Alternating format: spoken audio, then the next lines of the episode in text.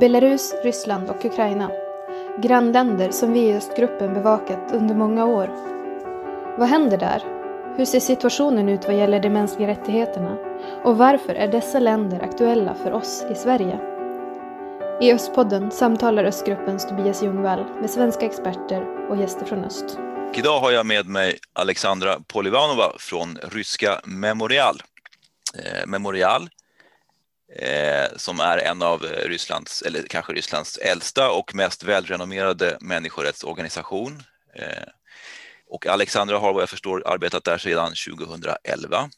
Eh, hon arbetar med eh, något slags kulturprogram. Vad är det du gör, Alexandra? Hej.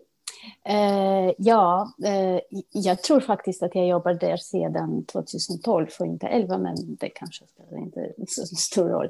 Eh, och eh, ja, Memorial är verkligen en av de äldsta och kanske även en av de största uh, NGO, i, alltså, kan man säga så, NGO, alltså icke-statliga organisationer. Det går bra. Uh, ja, i, i, i Ryssland. Och um, vi sysslar verkligen med uh, mänskliga rättigheter idag, men även med, uh, alltså vi försöker avslöja och uh, tala om brott mot mänskligheten under Sovjettiden.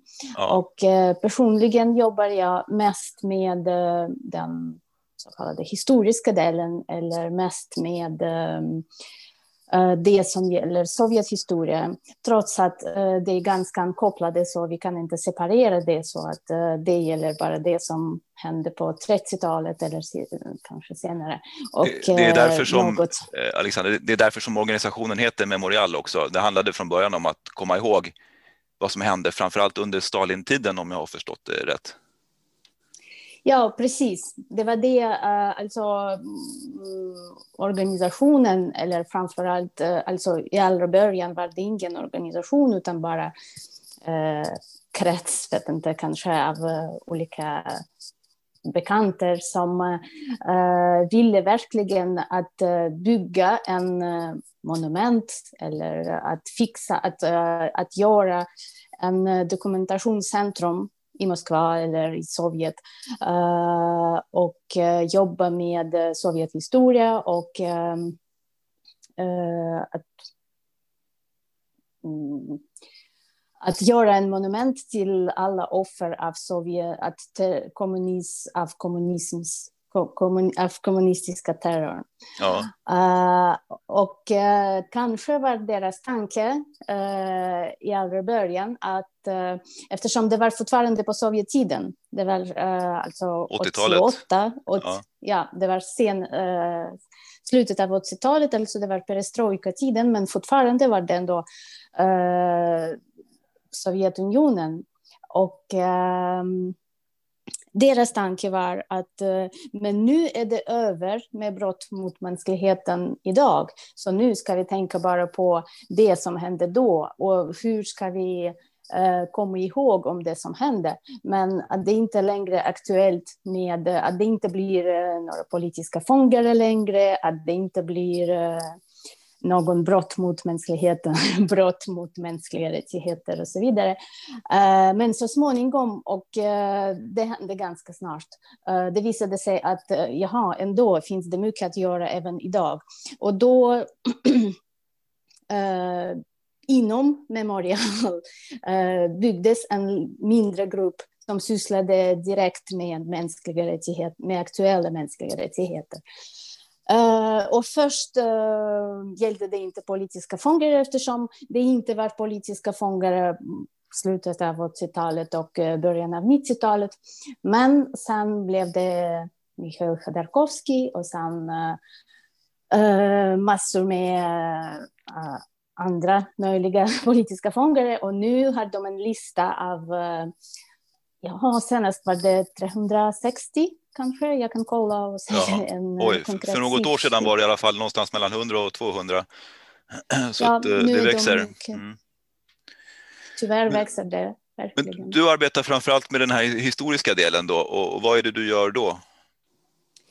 Uh, ja, jag är historiker och sysslar uh, mest med, uh, alltså i äldre början så var jag mer, uh, mest intresserad av det som gäller minnet, om hur folk minns, om hur minnet är konstruerat, om hur det fungerar i samhället och, och, och sådana frågor om... Det historiska om, minnet? Ja. Ja, historiska minnet. Historieskrivningen. Precis. Och kollektiv, kollektivminnet. Uh, men så småningom så det är ganska klart att uh, minnet är inte något, uh, alltså något alldeles självständigt och oberoende, utan det är frågan om värderingar och om vilka värderingar vet inte, använder vi för att bygga dagens samhälle, för att bygga, för att göra något Eh, vet inte, samtal med, mm, mellan alla eh, samhällsmedlemmar. Och eh, om vi talar om värderingar, då måste vi bestämma, men hur uppskattar vi det?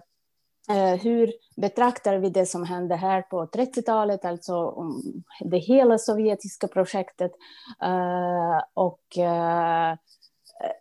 det är därför, det är, eh, trots att jag sysslar med något eh, som hände på 30 eller 40 eller 50-talet, men ändå sysslar jag med eh, dagens agenda eftersom eh, det, om, det gäller om, eh, om eh, folk omkring oss, om dagens folk, om hur de minns det, om hur de jobbar med det, om hur de eh, talar med det, diskuterar med det och vilka diskussioner finns i samhället. Och tyvärr, eller inte tyvärr, utan eh, det är kanske naturligt. Men eh, det finns eh, ganska polara eh, opinioner. Eh, ja. Alltså folk tycker vad som helst och det är, det är ingen konsensus, men det är också inte så mycket, skulle jag säga, en sådan naturlig diskussion, utan det är ganska mycket manipulation med historia, ganska mycket, det är ganska många som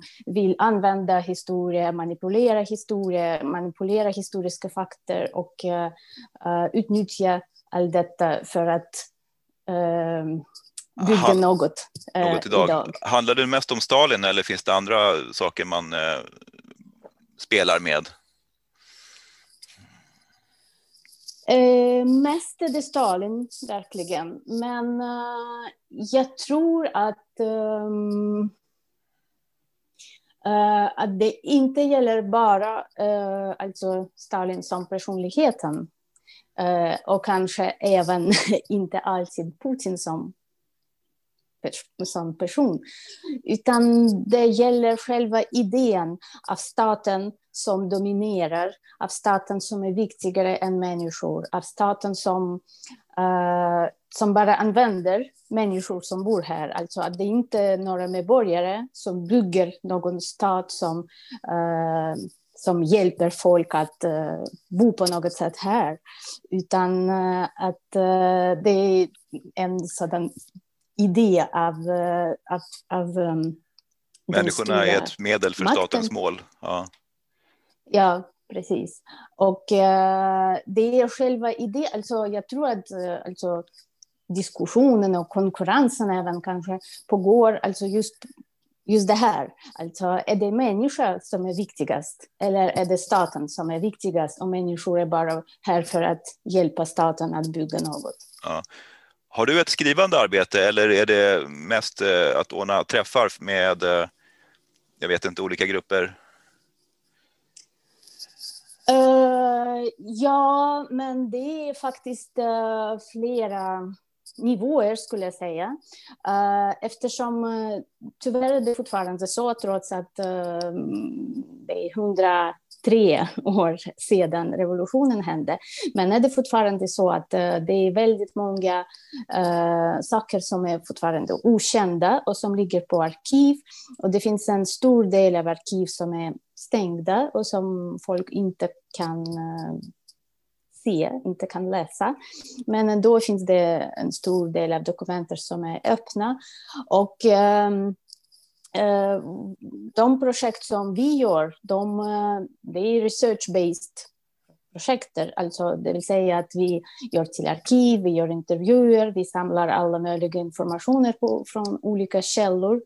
Och sen eh, när vi har någon produkt eller någon forskning, någon resultat, eh, då eh, funderar vi på, jaha, men vad ska vi göra med det nu? Ska det vara en utställning? Ska det vara en webbsajt? Ska det vara en podcast? Ska det vara en film eller något sånt?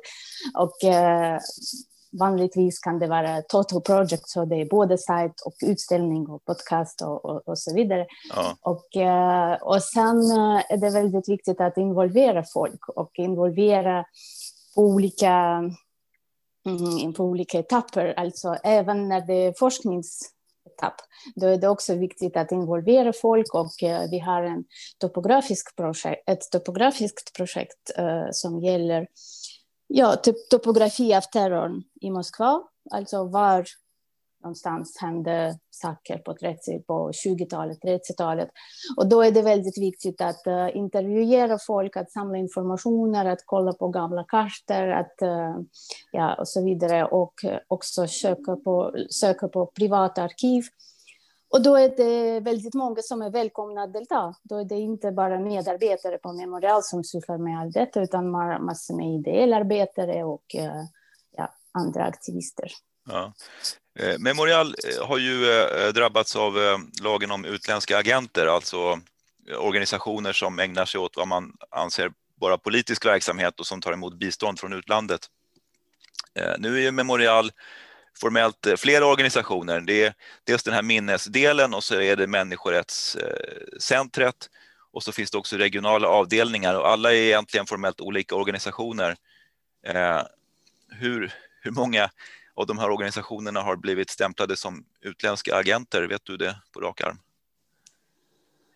Ehm, de flesta som är aktiva, Mm, de flesta organisationer som är verkligen aktiva, alltså som eh, existerar offentligt, som är inte bara någon ideell arbetare eh, som jobbar i en webbsida och som sysslar med något annat, utan några professionella organisationer de är kanske små, det är kanske bara tre pers som jobbar där, men ändå är det en riktig organisation som har bankkontor och, och så vidare.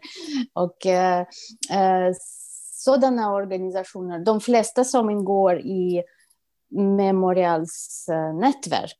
Alltså det finns internationella Memorial och det är ett nätverk av olika, olika organisationer från hela landet och även från, eh, från andra länder. Eh, och de flesta ryska organisationer som existerar är stämplat av det här, alltså finns med i den här listan av utländska agenter. Ja. Har det påverkat dig i ditt arbete på något vis? Visst, absolut. det påverkar mitt arbete.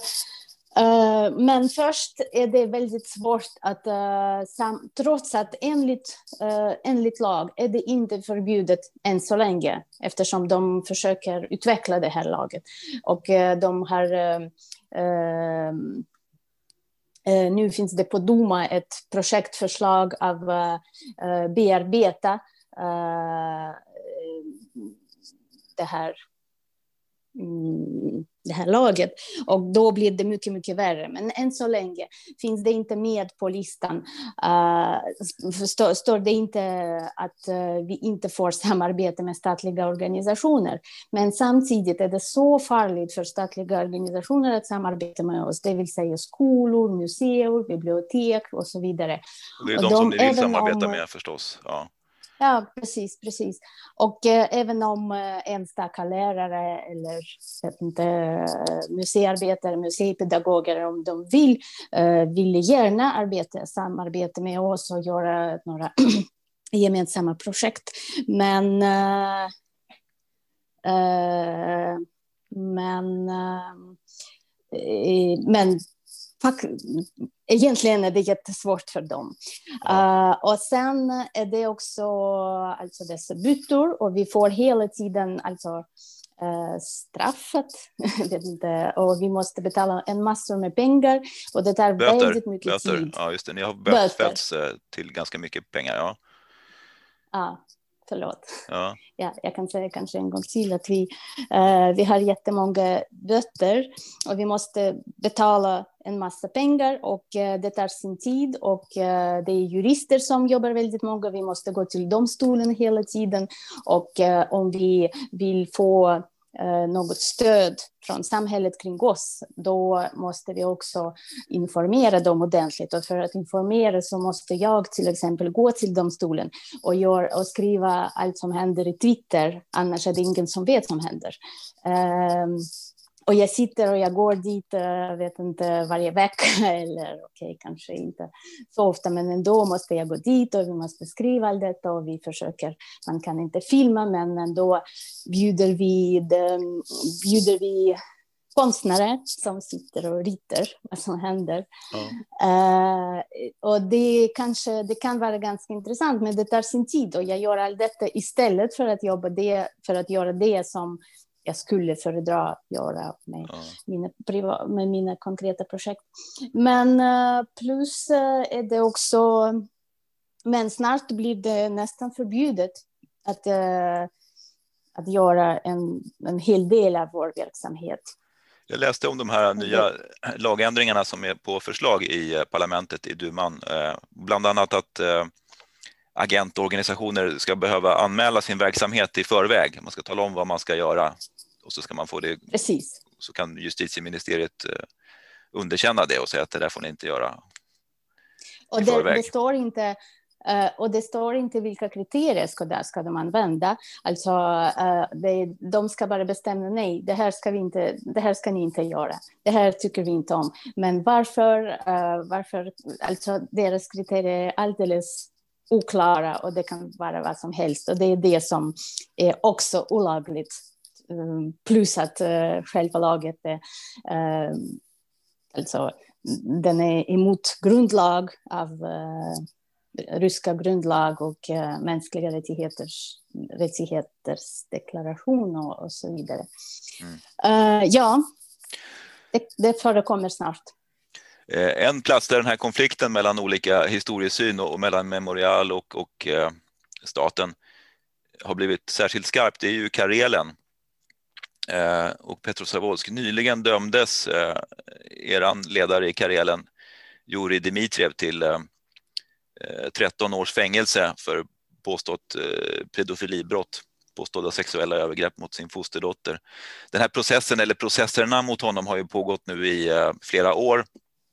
Han har tidigare friats och dömts till mildare straff. Och det finns ett starkt och brett stöd för honom från, från eh, samhällets sida, från eh, civilsamhället och kulturkretsar och författare och kända människor, historiker.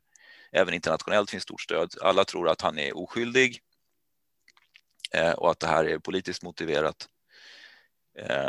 Så att, och många förväntade sig nog att han kanske skulle frias eller åtminstone få en, en mildare dom som han först fick. Som är också ett, ett indirekt bevis på att han egentligen är oskyldig eller var det. Men, men, men så kom den här 13-åriga fängelsedomen som en, en chock antar jag för, för eh, inte minst för Memorial. Varför, varför, blev det så här just i Karelen tror du? Och så illa är det väl inte i, andra, i Moskva eller Sankt Petersburg eller andra ställen? Uh, men i princip uh, då och då händer det inte bara i Karelen utan även i Tjetjenien. Du kan det här hört ja. talas om Ayub Titievs fall, uh, men det var lite oh, annorlunda. men Uh, ja, men det är en lång historia, historia som är också ankopplad till det som hände på 30-talet, till uh, Sandarmoch. Det är uh, ett ställe där... Uh, massgravar är... utanför i Karelen, ja. Precis, utanför Medvizjegorsk. Ja. Uh, där, uh, och det är en, uh, vet inte jag skulle säga, det är jätteinternationellt massgrav. Där finns folk från alla möjliga länder, bland annat från Sverige. Kiruna svenskar och även folk från Finland, från Frankrike, från Eh, Eh, Ukraina, Georgien och eh, alla möjliga länder. Och eh, Jurij Dmitrijev var en av dem som upphittade det här stället eftersom det var gömt under Sovjettiden och även senare till 1997.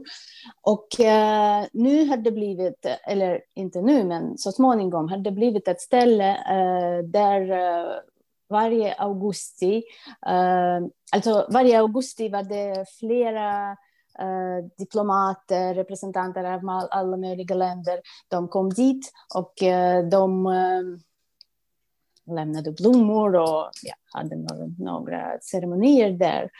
Och, eh, och det var så irriterande för eh, en så kallade eh, ryska militärhistoriska sällskapet.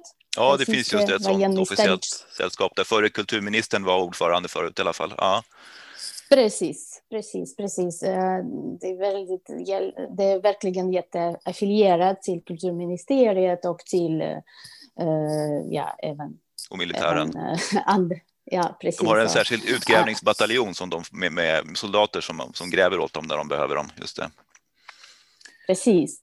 Eh, och eh, deras, eh, jag vet inte, deras bild av historia är bara patriotisk, heroisk och, och så vidare och att staten är alltid rätt. Och det var så irriterande för dem att det var så många diplomater. Alltså det var inte, inte bara eh, privata folk, som, privata människor som kom till Sendermo, utan även verkligen ambassadörer. Och eh, sen hade också Dmitrijev en konflikt med eh, Eh, på grund av uh, memorialplack, eller hur skulle jag säga, memorialtavla. Ja, en plakett någonstans. Ja en plakett, en plakett till uh, en, uh, en KVD och uh, partiaktivist i Karelien. och han var jätteirriterad att det fanns en sådan, att, att de byggde den här memorialplakett till den här Kuprianov. Och han kom dit och tog bort den. Och han sa nej, men det är omöjligt att vi har en sådan plakett. Och, och sen började det som som började och det ser jätte, jättekonstigt ut. Och klart att det är det som är så provokativt med den här rättegången, att vi inte kan veta allt eftersom, eftersom det gäller en ung tjej så är det stängt, alltså rättegången är stängd. Det är ja. bara advokat som, eh, och eh, bara några andra uh, som en nära advokat som, eh, som kan, som kan eh, veta vad som händer egentligen. Men ändå, det som är klart för oss och det som, är, det som man säger och alla processuella eh, fel alltså, som händer men allt detta visar att uh, det är verkligen rent politiskt. Och uh, det som händer med tjejen, den här uh, fosterdottern, fos, ja. fosterdottern hur de manipulerar, med henne, manipulerar henne och hur de påverkar henne och hur de tvingar henne att uh, säga något hon säger. Allt detta visar att uh, det är en riktig provokation mot Jurij Dmitrijev. Och dessutom att uh, han var verkligen, alltså två gånger var han nästan... Nästan friad, ja. Friad. Ja. Nästan, ja. och om, om det var något i den här rättegången, då skulle aldrig eh, man befria honom. Klart att han skulle vara straffad eh, från allra början. Men två gånger, och det är hela tiden konkurrensen mellan... Uh, men hoppas att något blir det bra. Jag var själv i Petrosavodsk för ett, ett år sedan och var i, i domstolen i korridoren under en dag då när mm. rättegången pågick tillsammans med Eh, det, det, var ju ett 30-tal personer som hade samlats för att stödja honom så att när, han, när de förde förbi honom i korridoren så applåderade alla eh, när han gick förbi. Och eh, då i alla fall... Ja, så såg, stämmer. Ja, då i alla fall så såg han ut att vara vid gott mod. Det verkar vara en ganska tuff person, eh, Jurij Dmitrijev. Så att, eh, jag hoppas att han eh, fortfarande eh, inte låtit sig knäckas och att han inte behöver avtjäna alla de här 13 åren. Han har ju redan suttit inne nu kanske tre år ungefär totalt, eh, så det är i så fall tio år kvar nästan.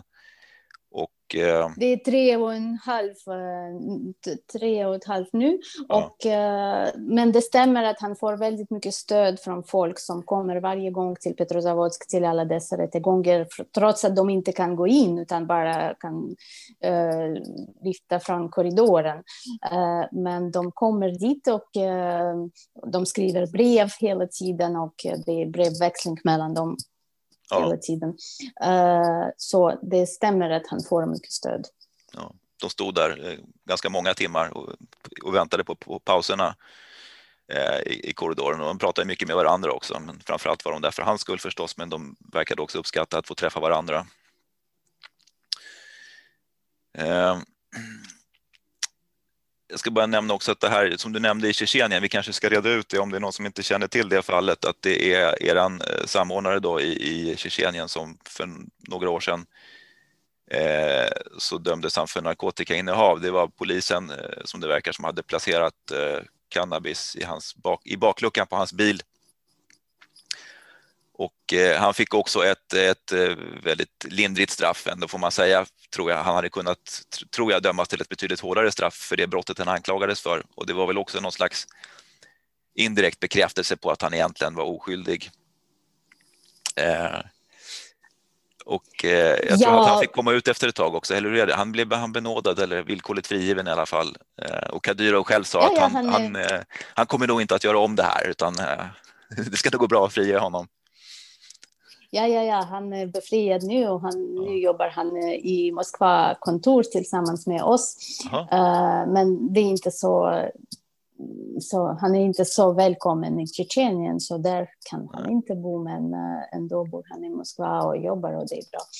Men uh, ja, men det här fallet, om det är verkligen det fallet av Julie Dmitrijev är så komplicerat och det är verkligen så många detaljer och det är så pedofi, eh, om det är pedofili, då, är det, då, skulle det vara sant, skulle det vara hemskt. Ja. Men uh, vi ser så tydligt att det inte är sant och det är så svårt att kommunicera med folk eftersom det finns också en sådan reputation eller att inte det finns uh, om folk säger att jaha, pedofil, memorial, det är bara pedofiler som jobbar där. Men när det gäller Ayub det var bara demonstrativt. Det var alldeles självklart att det är inga narkotika som, eh, inte, som var i närheten.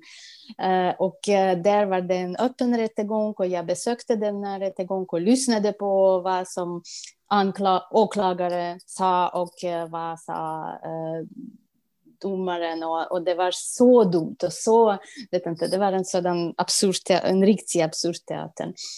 Men uh, bra att han är ledig nu. Att han är fri, ja. Han är fri. Eh. Ja, förlåt, att han är fri. ja. eh, Alexandra, eh, vi har pratat i snart en halvtimme. Ehm, jag ska bara fråga dig också, påverkas eh, ni och ditt arbete av pandemin? Ja, visst. Uh, visst, uh, det är alltså, jag tror att uh, all, hela världen är påverkad på något sätt. men vi är också påverkat och det är ganska svårt att, att kommunicera. Det är svårt med publika evenemang och det, men det är också svårt. Det, det, um, alltså det var en, inte instrument, men det var en en bra idé för staten att, uh, att stärka allt möjligt och förstärka, att, uh, eh, eh, förstärka förtryck på folk. Och uh, det är verkligen så att folk verkligen tycker, eller inte folk, utan regeringen tycker att folk här är idioter och att det ska vara total kontroll. Och det är verkligen ganska... men sam, sam, samtidigt alla dessa eh, deras försök att kontrollera är så absurda som bara eh, gör det mycket farligare för att sprida covid och istället för att eh, på något sätt kontrollera det blir det bara tvärtom. Du pratar om mobilapplikationer och böter för att gå ut under, under den tidigare nedstängningen och, och liknande. Ja, ja, ja, för exempel. Och eh, till, för, för, just igår till exempel uh, var vi alltså på domstolen. Uh, men alla som kommer dit ska uh, de kontrollerar om, det, om folk inte har, har, har, feber. feber. Ja, man tar tempen. Ja. Har feber. Men det står en kö, hundra personer så som står nära varandra så här bara. Ja, de bara står i kö och väntar. Ja. ja. Så om det, det finns bli. en person som är bunden så det är en riktigt absurt. Ja. ja, i Sverige gör vi tvärtom och det finns de som inte tycker att det heller är bra. Eh, vi får hoppas att vi kommer ur den här pandemin med, med våra samhällen är någorlunda intakta. Eh, är det något mer du vill tillägga innan vi sätter punkt? Uh, det är bara så att det var för länge sedan uh, jag talade svenska ordentligt. Det var så länge sedan uh, jag var i Sverige senast. Och, så jag skäms verkligen att jag gör så många fel och att min svenska är så dum och så dålig. Jag tycker att du har fungerat bra. Jag har inga klagomål själv. Tack för din medverkan och eh, på återhörande.